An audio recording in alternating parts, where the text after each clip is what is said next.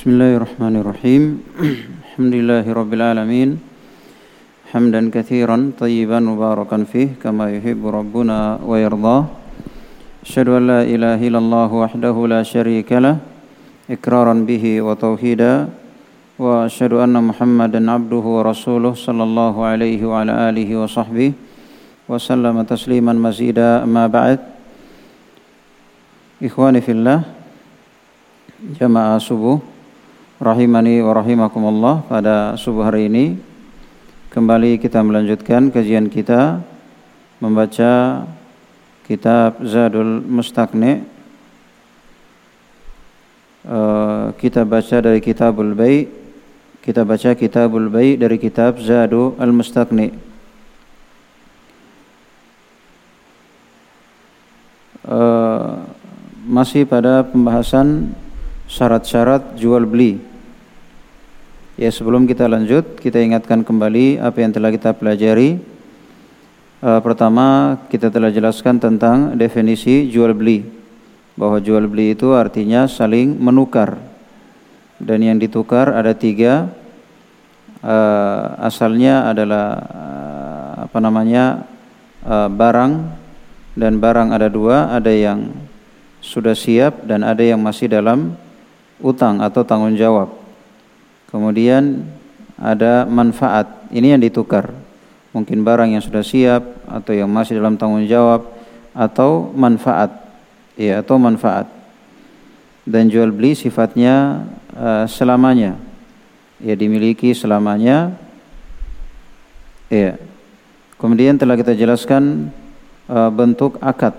Jadi akad itu ada dua. Ada akad apa namanya eh, kauliyah ya ucapan dan ada akad fi'liyah perbuatan. Artinya kadang seorang berinteraksi dengan ucapan dan kadang tanpa ucapan langsung uh, memberi uang mengambil barang. Iya, langsung memberi uang membeli uh, barang, mengambil barang. Tapi kemudian syarat jual beli. syarat jual beli ada tujuh telah kita jelaskan yang pertama yaitu saling ridho. Ya, syarat yang pertama yaitu saling ridho antara pembeli dan penjual. Maka bila ada jual beli tidak ada tidak saling ridho itu artinya ada paksaan, maka ini tidak tidak sah. Kecuali pada apa-apa yang diperkecualikan ya seperti apa namanya pemerintah uh, memaksa untuk kepentingan umum ya maka ini tidak ada masalah atau misalnya uh, apa namanya yang punya piutang memaksa menjual barang jaminan maka ini tidak ada masalah kalau misalnya sudah masuk waktunya.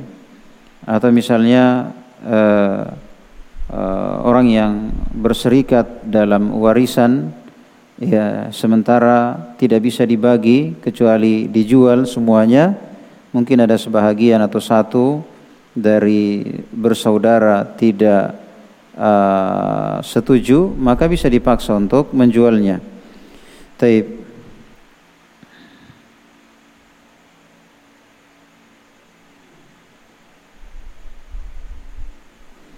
Ini syarat yang pertama yaitu saling ridha antara pembeli dan penjual. Iya.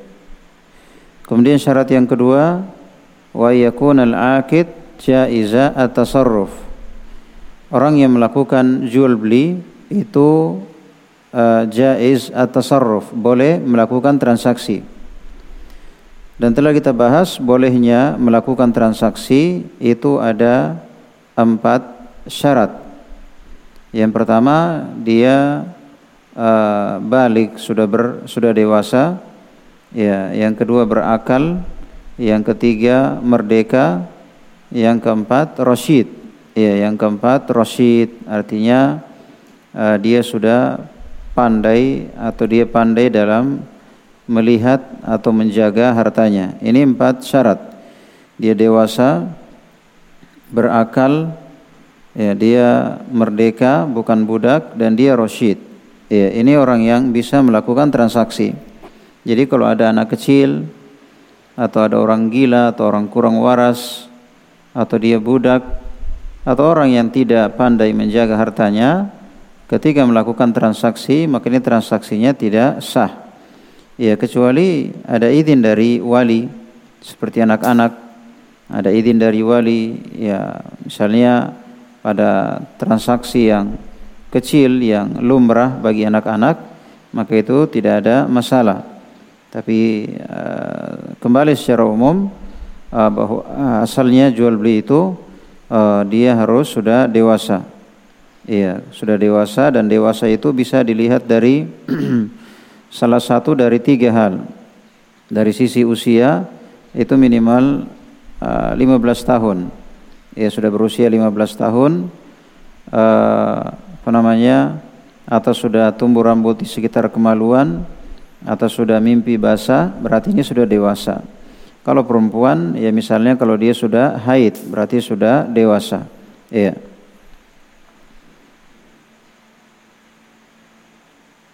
Kemudian syarat yang ketiga wan takunal ainu mubahata an-nafa min ghairi hajatin bahwa barang yang diperjualbelikan itu bermanfaat dan manfaat yang boleh manfaat yang boleh tanpa ada hajat. Maksudnya bukan dibolehkan ketika ada hajat. Bukan dibolehkan oleh agama ketika ada hajat.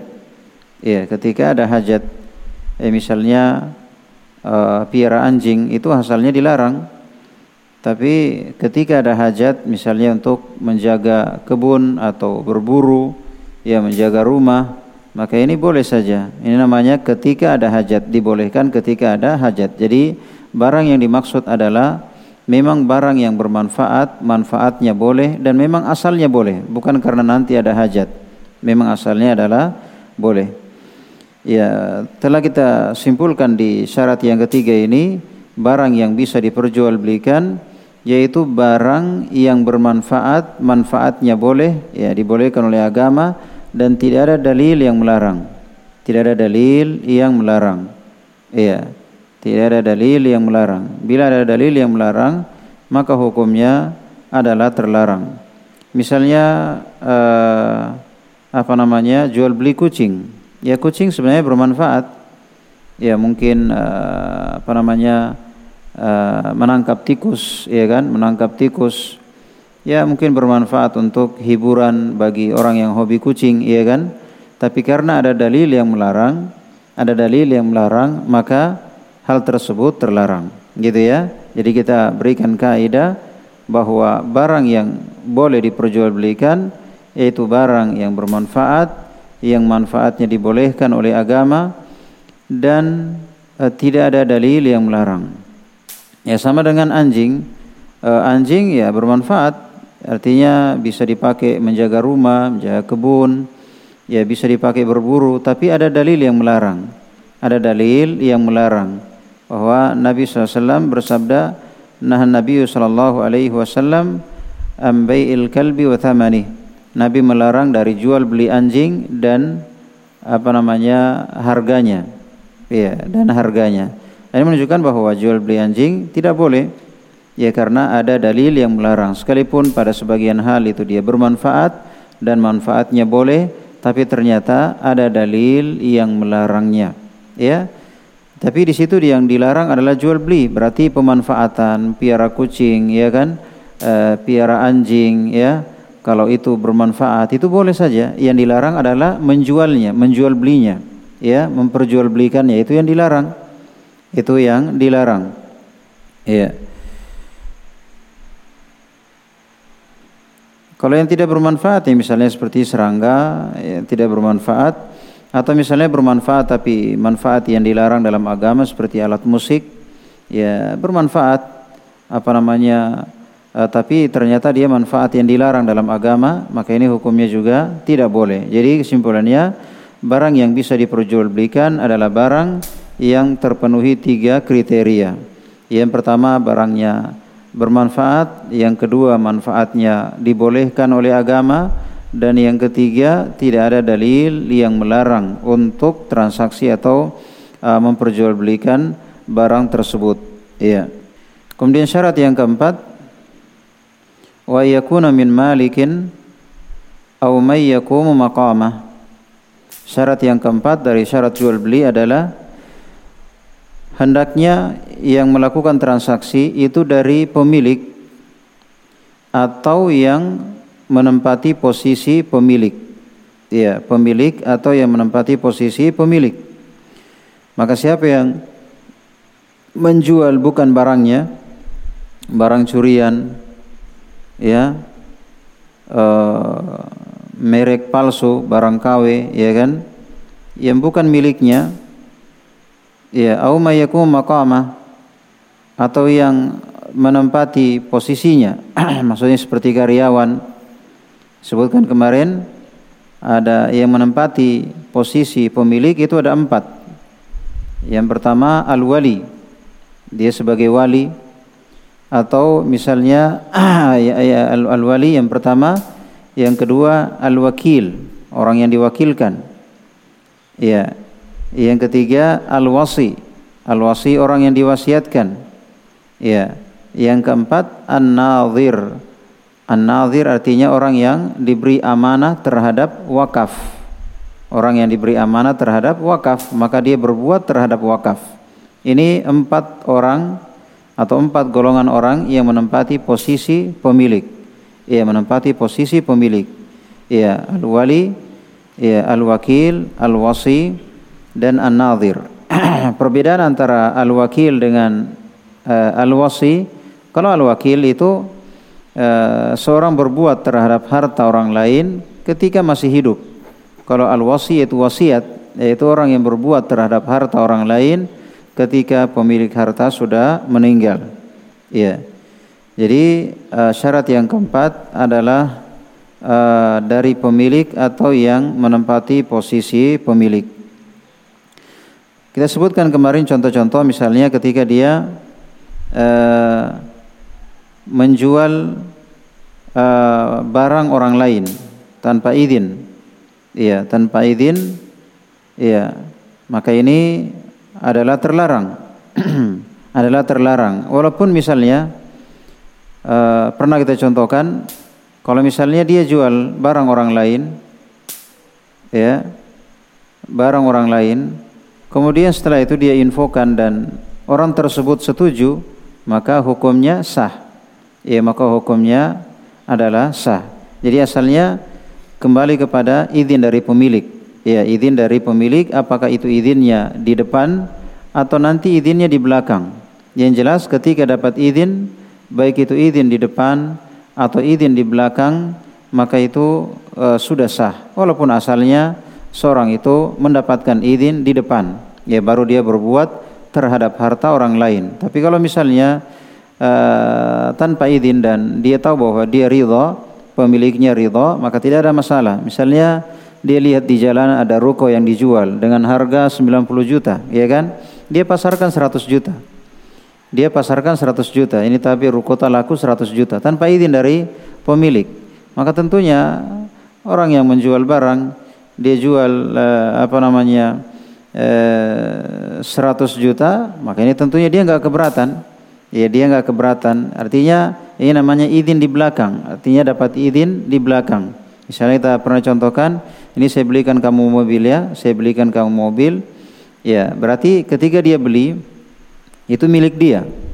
Ya, uh, misalnya itu milik dia. Saya dengar kamu cari mobil, ya harga sekian, dananya sekian. Uh, kebetulan saya ada teman, uh, saya belikan ya buat kamu Ya, terus yang yang dibelikan bilang enggak, saya enggak enggak butuh mobil sekarang, ya kan?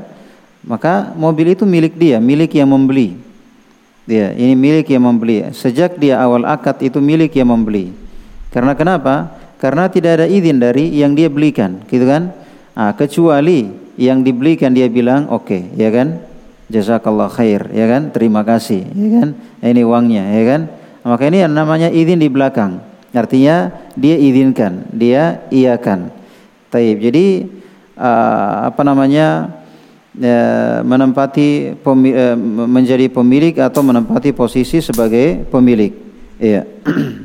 Kemudian disebutkan di sini iya wala yuba'u ghairu al-masakin. Taib kata uh, penulis yaitu Musa bin Ahmad Al-Hajjawi Ad-Dimashqi Al-Hambali rahimahullahu taala wala yuba'u ghairu al-masakini. Dan tidak eh, dijual selain rumah. Ya selain rumah atau tempat tinggal mimma futiha anwatan.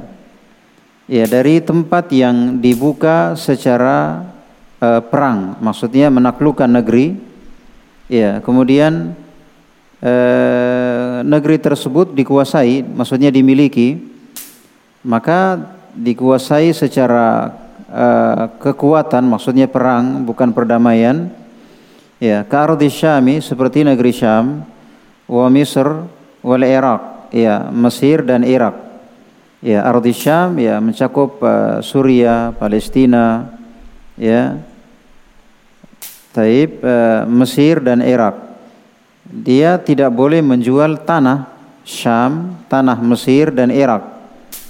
Ya, kenapa di sini dibahas oleh para ulama karena uh, di ardi Syam yaitu Umar bin Khattab radhiyallahu anhu itu telah menaklukkan uh, Syam dan beliau mewakafkan mewakafkan kepada kaum muslimin mewakafkan kepada kaum muslimin sehingga asalnya wakaf kalau tidak lebih baik maka dia tidak dijual maka tidak bisa dijual karena itu bukan miliknya ya karena itu bukan miliknya sehingga kalau misalnya dia membangun di tanah yang bukan miliknya maka yang bisa dia jual adalah rumahnya ya kan adalah rumahnya adapun tanahnya itu bukan milik dia Ya kalau rumah rumah dia, dia mau jual terserah.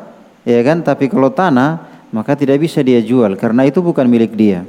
Dan juga dia tidak mewakili sebagai pemilik. Ini maksudnya ya, walaupun para ulama uh, silam pendapat dalam masalah ini ya tentang negeri Syam, ya Mesir, Irak, ya maka itu apakah boleh dijual atau tidak?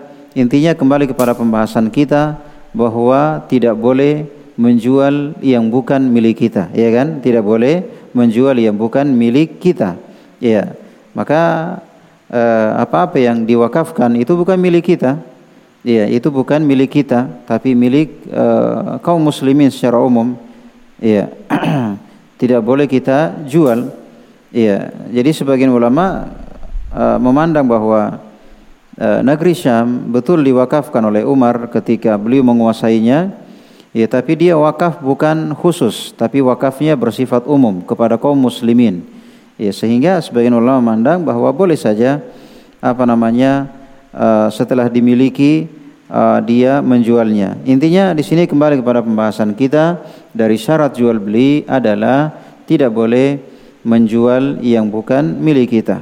Ya. Bal tu'jaru bal tu'ajjaru ya, bahkan disewakan. Maksudnya beliau melihat di sini ya, boleh untuk disewakan. Ini berkaitan dengan uh, apa namanya uh, tempat tersebut. Jawabannya uh, apa yang bukan milik kita tentunya tidak bisa dijual dan tidak bisa disewakan. Ya kan tidak bisa disewakan karena itu bukan milik kita. Ya, karena itu bukan milik kita. Ya. Taib. Jadi kalau misalnya uh, membangun di atas tanah, ya misalnya tanah negara misalnya, ya kan? Kalau misalnya rumahnya mau dijual, itu namanya itu namanya jual rumah bukan jual tanah, ya kan? Jual rumah tanpa tanah karena yang milik kita adalah ta adalah rumah, adapun tanahnya bukan milik kita. Wala yasihu bai'u bai'u naq'i al-bi'r. Dan tidak sah ya tidak benar jual nakil bir ya, yaitu jual uh, uh, uh, air sumur. Maksudnya uh, sumur atau mata air. Jadi misalnya ada mata air atau sumur yang tanpa ada ada upaya dia air itu mengalir sungai misalnya atau uh, mata air misalnya dia mau jual. Nah, itu bukan milik dia. Ya dia tidak punya apa-apa, tidak punya biaya, tiba-tiba dia mau jual ya. Air sungai saya mau jual airnya, ya kan? Atau apa namanya uh, mata air atau sumur, ya kan dia mau jual, ya maka itu bukan milik dia tapi milik Allah Subhanahu wa taala. Dia tidak punya biaya, dia tidak punya upaya, dia tidak punya usaha, ya misalnya ketika turun hujan ya kan, kemudian uh, ada galian begitu, ya ada yang mau beli airnya, ya kan, atau dia jual airnya, ada yang perlu kemudian dia mau jual, makanya tidak bisa dia jual karena itu bukan milik dia. Ya, ya tidak ada upaya, tidak ada usaha dari dia sehingga air itu banyak, kemudian uh, dia mau jual, maka ini tidak boleh karena ini merupakan milik Allah Subhanahu wa taala. Ya, tidak boleh dia jual. Ini maksudnya wala yasihu bai'u naqil bi'r. Taib. Karena Nabi sallallahu alaihi wasallam bersabda, "An-nasu syuraka'u fi thalathin." Al-ma'u wal kala'u wan nar. Manusia itu berserikat dalam tiga hal. Manusia berserikat dalam tiga hal. Alma air wal kala eh, rumput ya rumput masuk ke pepohonan wanar dan api. Api di sini maksudnya maksud bahan masuk bahan bakarnya seperti eh, batu yang dipakai untuk membakar atau kayu bakar atau misalnya api yang menyala mungkin dia nyalakan api ya kan terus kayu bakar apa banyak baranya begitu menyala terus ya ini tidak bisa dijual manusia berserikat dalam urusan tentang air, eh, rumput, ya termasuk pepohonan dan api, ya dan api termasuk ke apa namanya eh, barang atau bahan alami untuk api seperti kayu bakar, eh, kayu bakar atau apa namanya batu yang dipakai untuk menyalakan api. Ya, di sini kenapa eh, tidak bisa kita jual? Kalau kita lihat kepada syarat jual beli, yaitu barang tersebut sudah menjadi milik kita. Karena rumput yang tumbuh kita mau jual, tidak ada urusan dengan kita. Ya ini rumput saya jual, ya kan? Atau misalnya air itu di air sana saya jual. Enggak ada urusan dengan kita, enggak bukan punya kita, bukan upaya kita, terus kita mau jual, ya kan? Ini bukan milik kita. Ya. Jadi uh, manusia punya hak dalam masalah uh, air eh, apa namanya rumput dan api.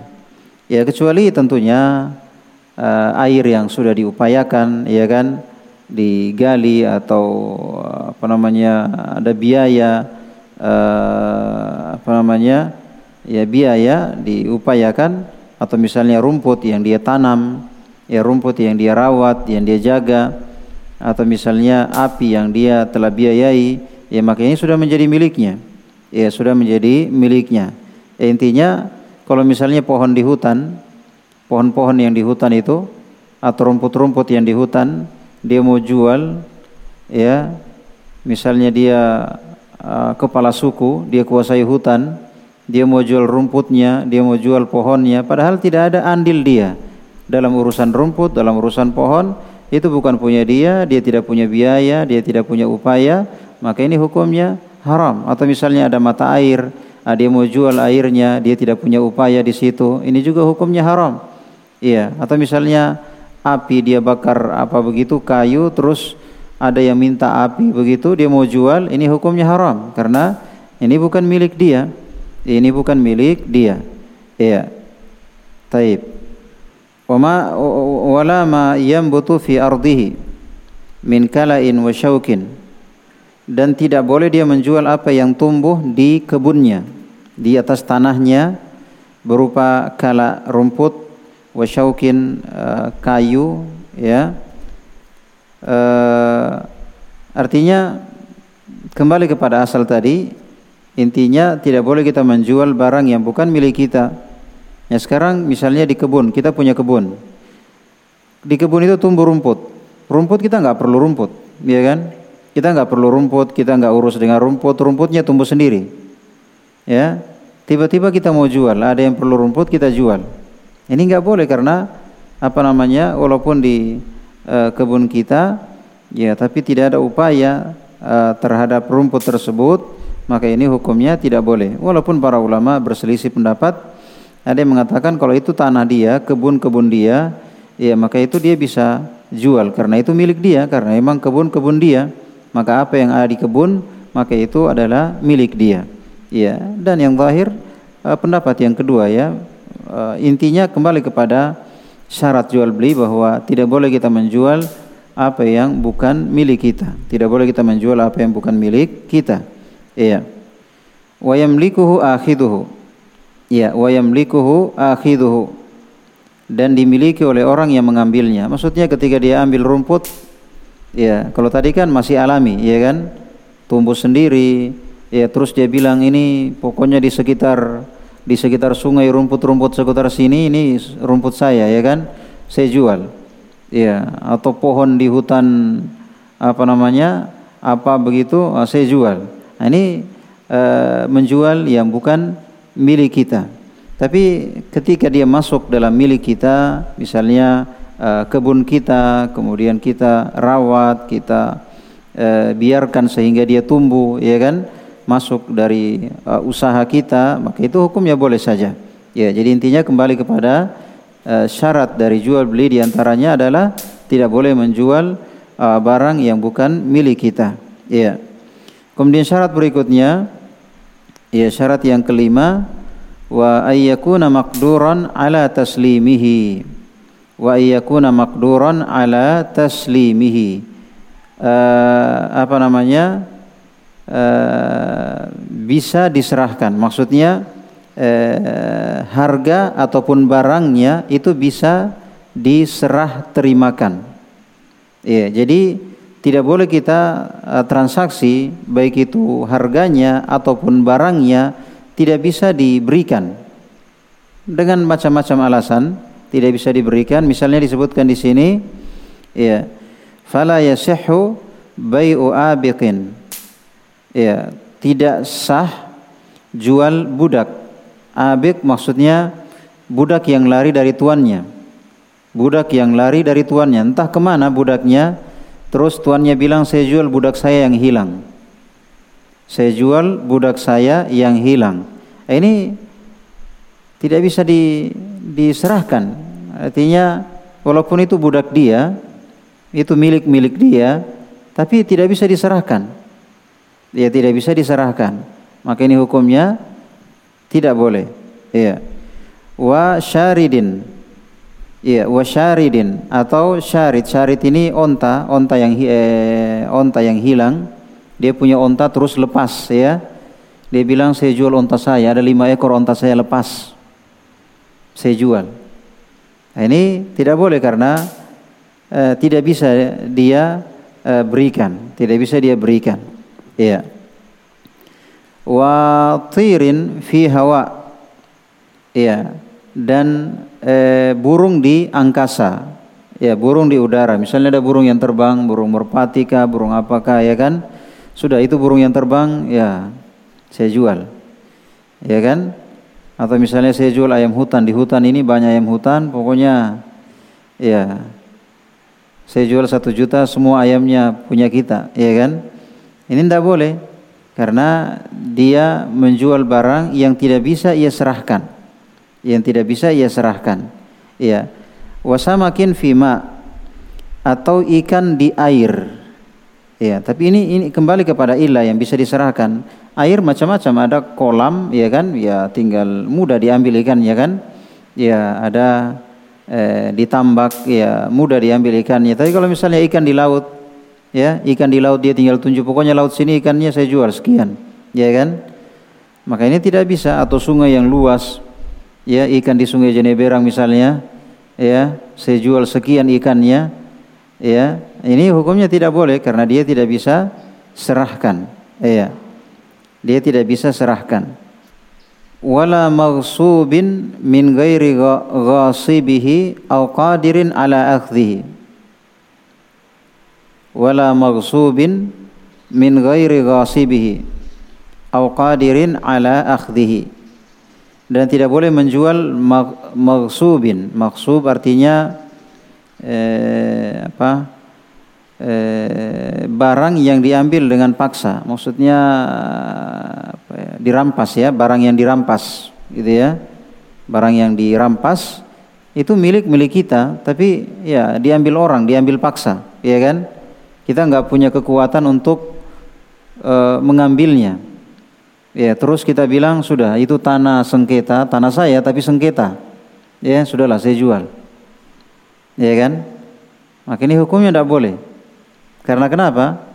Karena walaupun punya kita, tapi tidak bisa kita serahkan. Tidak bisa kita serahkan.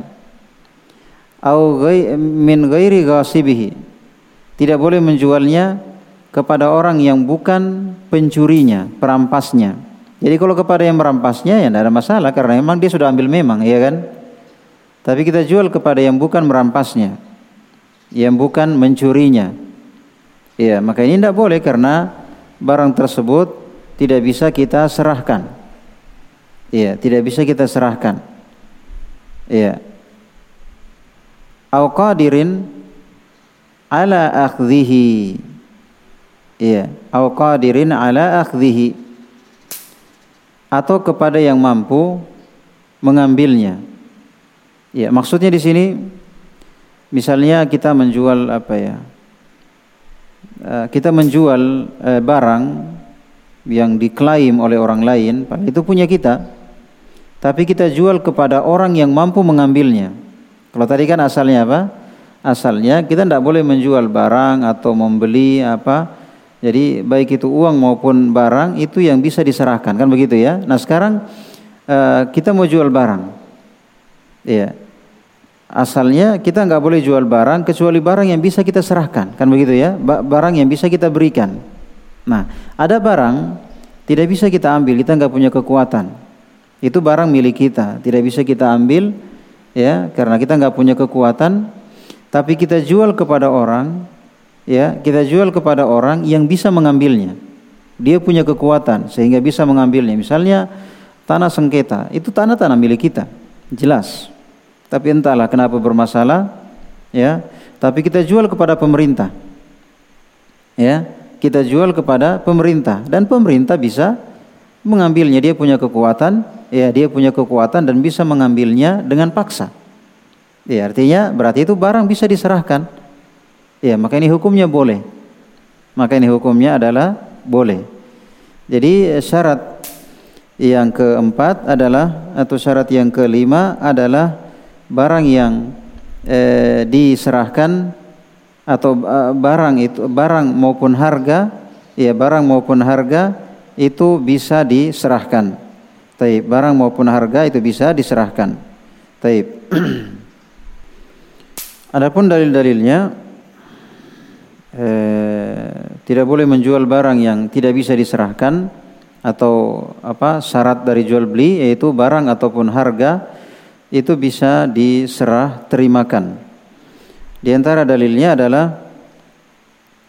uh, Nabi Shallallahu Alaihi Wasallam bersabda dari hadits Abu Hurairah kata beliau, "Anan Nabi Shallallahu Alaihi Wasallam naha ambai il garar." Nabi Shallallahu Alaihi Wasallam melarang dari jual beli garar. Garar artinya sesuatu yang tidak jelas. Di antara yang tidak jelas adalah harga atau barang yang tidak bisa diserahkan. Dan uh, Nabi SAW bersabda di hadis yang lain, itu hadis Hakim eh, Hakim ibn Hizam kata beliau, "Anan Nabi sallallahu alaihi wasallam qala lah, la tabi' ma laisa indak." Kata Nabi kepada Hakim bin Hizam, "La tabi' ma laisa indak." janganlah engkau menjual ya barang yang tidak ada di sisimu. Maksudnya mungkin barang itu milik kita tapi belum dalam kekuasaan kita. Ya, belum dalam kekuasaan kita. Ya. Maka siapa yang tidak mampu atas suatu barang ya, maka ini merupakan jual beli yang tidak jelas atau goror. Dan telah kita bahas bahwa eh, dipasangnya syarat-syarat eh, jual beli itu supaya tercipta keadilan. Dan kenapa dilarang jual beli? Karena berputar di atas tiga hal yang berseberangan dengan keadilan, yaitu adanya kezaliman, adanya ketidakjelasan, atau adanya riba. Makanya dipasanglah syarat-syarat supaya terhindar dari tiga perkara ini. Karena ini berlawanan dengan Islam. Islam agama yang adil, ya bukan kezaliman, bukan ketidakjelasan dan bukan pula uh, riba. Ini semuanya dilarang. Maka dari tujuh, tujuh syarat yang disebutkan itu menjaga tiga perkara ini supaya tidak ada kezaliman, tidak ada ketidakjelasan atau goror dan tidak ada riba pada jual beli. Jadi uh, hadis ini dikatakan la tabi ma laisa indak. La tabi ma laisa indak. Janganlah engkau menjual barang yang tidak ada di sisimu. Maksudnya barang yang tidak bisa kita kuasai ini termasuk dalam hadis ma laisa indak. Iya, ma laisa indak. Dan juga Nabi SAW eh, bahkan dalam ayat ya dalam ayat Allah Subhanahu wa taala berfirman di surah Al-Maidah ayat 90, "Ya ayyuhalladzina amanu innamal khamru wal maisiru wal ansabu wal azlamu rijsun min amali syaitan fajtanibu." Wahai orang-orang yang beriman, innamal khamru wal maisiru wal ansab dan seterusnya. Wahai orang-orang yang beriman, sesungguhnya al-khamar, al-maisir, al-ansab, al-azlam. Nah, di sini para ulama e, memasukkan barang yang tidak jelas, yaitu barang yang tidak bisa diserahkan, itu masuk dalam e, ayat ini, yaitu al-maisir.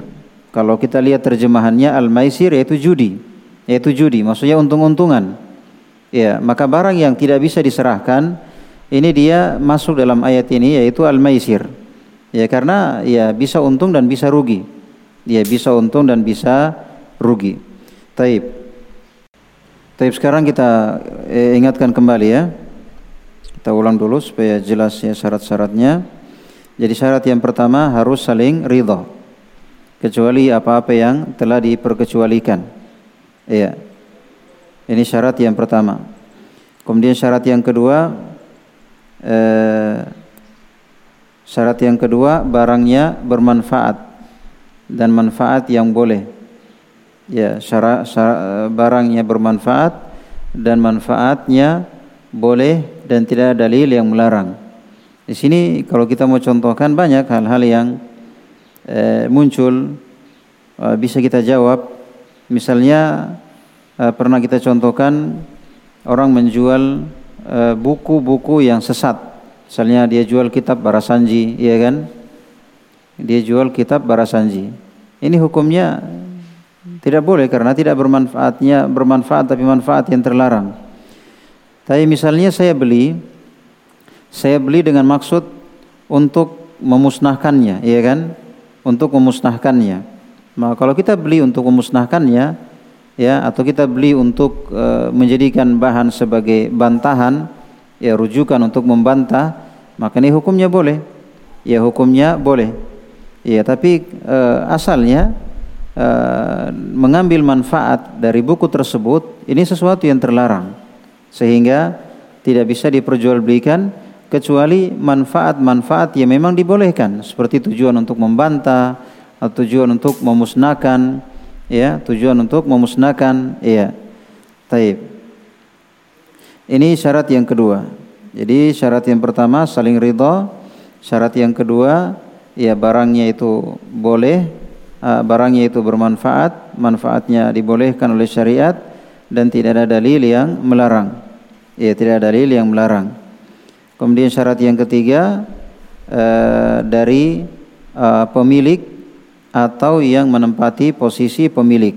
Dari pemilik atau yang menempati posisi pemilik.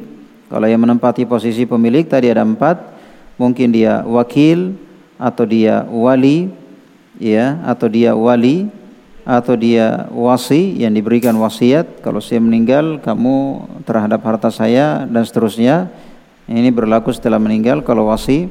Kemudian an-nadhir. An-nadhir artinya yang diberikan amanah terhadap wakaf, yang diberikan amanah terhadap wakaf. Iya. Ini syarat yang ketiga. Ya, syarat yang ketiga. Kemudian syarat yang keempat, syarat yang keempat yaitu wa yakuna maqduran ala taslimihi. Yaitu barang ataupun harga bisa diserahkan. Iya, barang ataupun harga bisa diserahkan. Iya. Barang ataupun harga bisa diserahkan. Ini uh, empat syarat yang telah kita bahas dari uh, kitab ini ya. Ya. Taib. Ya mungkin ini yang bisa kami uh, sampaikan. Intinya uh, dalam bidang apa saja, apalagi dalam uh, fikih dan apalagi dalam jual beli, itu kita untuk bisa menguasainya itu fokus pada uh, definisi dan pada uh, syarat-syaratnya. Ya sehingga kita tahu lingkup dalam jual beli, kemudian kita tahu syarat-syarat uh, sahnya jual beli sehingga kita punya uh, apa namanya gambaran tentang sahnya suatu jual beli. Iya. Taib. Taib bagaimana? Ada pertanyaan? Kalau ada pertanyaan saya yang bertanya. Hah? Taib. Ya, berarti sudah lima syarat ya. Ya, orang yang melakukan eh, jual beli boleh melakukan transaksi. Ada berapa syarat bisa melakukan transaksi? Tiga atau empat? Tiga, empat. Ah. Iya, balik, berakal, merdeka dan iya dan pintar dalam menjaga hartanya. Iya. Terus kalau ada anak kecil beli alat berat bagaimana? Tidak boleh. Kalau beli kelereng bisa. Iya. Jadi asalnya kalau anak kecil ya kembali kepada urf mereka. Kalau bisnis yang standar itu kembali kepada urfnya uh, yaitu orang yang dewasa. Tapi tadi dewasa bagaimana ditahu orang dewasa? 15 tahun. Mesti 15 tahun misalnya umur 12 tahun sudah mimpi basah? Bisa. Yang penting salah satunya dari tiga itu. San. Iya eh, apa namanya? Misalnya eh, di Mekah begitu di khususnya misalnya di musim haji situ kan ada misalnya wukuf di Arafah atau bermalam di Mina. Eh, di situ kita jual tempat boleh nggak? Ada kema-kema dijual begitu karena bukan miliknya. Itu tanah haram, iya, bukan miliknya ya karena sama dengan masjid sini ya. Saya bangun kemah di masjid, terus saya jual. Ini bukan milik kita, ya kan? Ini bukan milik kita. Terus kalau misalnya eh, eh, apa namanya kita menjual tanah bermasalah, apa hukumnya? Tanah sengketa itu milik kita betul, jelas, yakin kita. Tapi nggak bisa kita serahkan. Bermasalah. Apa hukumnya tadi? Iya. Jadi asalnya asalnya nggak boleh karena tidak bisa kita serahkan kecuali kita jual kepada yang mengambilnya atau kita jual kepada yang bisa memaksa untuk mengambilnya, ya kan? Itu boleh. Intinya barang maupun barang eh, barang maupun harganya bisa diserah terimakan. Jadi kalau misalnya diserahkan kepada yang bisa mengambilnya, maka tidak ada masalah. Kalau misalnya kita jual eh, hmm, jual ikan di ya jual ikan sini di ini, di sungai. Bisa nggak? Itu ikan-ikan di situ saya mau jual. Nggak bisa. Kenapa nggak bisa? Bukan kita punya. Iya. Terus kalau misalnya eh, anggaplah ada ada apa namanya eh, Taib, iya betul ya, ndak punya, kemudian juga dia nggak bisa eh, serahkan, ya kan? Dia nggak bisa serahkan. Taib. Sama dengan ya, ikan di laut itu tentunya bukan milik dia dan juga tidak bisa dia serahkan. Tapi kalau ikan di laut tapi dalam dalam karamba begitu bisa nggak? Ya, milik dia dan bisa dia ambil. Ya, taib. Jadi intinya uh, miliknya kemudian juga dia bisa uh, melakukan serah terima. Dia bisa serah terima. Taib. Saya kira itu ya apa yang bisa kita jelaskan pada kesempatan pagi hari ini. Alhamdulillah kita sudah membahas eh, lima syarat ya. Ini penting sekali ya untuk mengetahui jual beli itu sah atau tidak. Eh, sudah lima syarat. Eh, insya Allah eh, sisa dua syarat lagi. Eh, mungkin kita bahas di pertemuan yang akan datang. Semoga apa yang kita dengarkan bermanfaat bagi kita semua. Mohon maaf atas segala kekurangan. Subhanakallahumma wa bihamdik. Asyhadu la ilaha illa anta. Astaghfiruka wa atubu ilaik. Wa akhiru da'wana anil hamdulillahi rabbil alamin.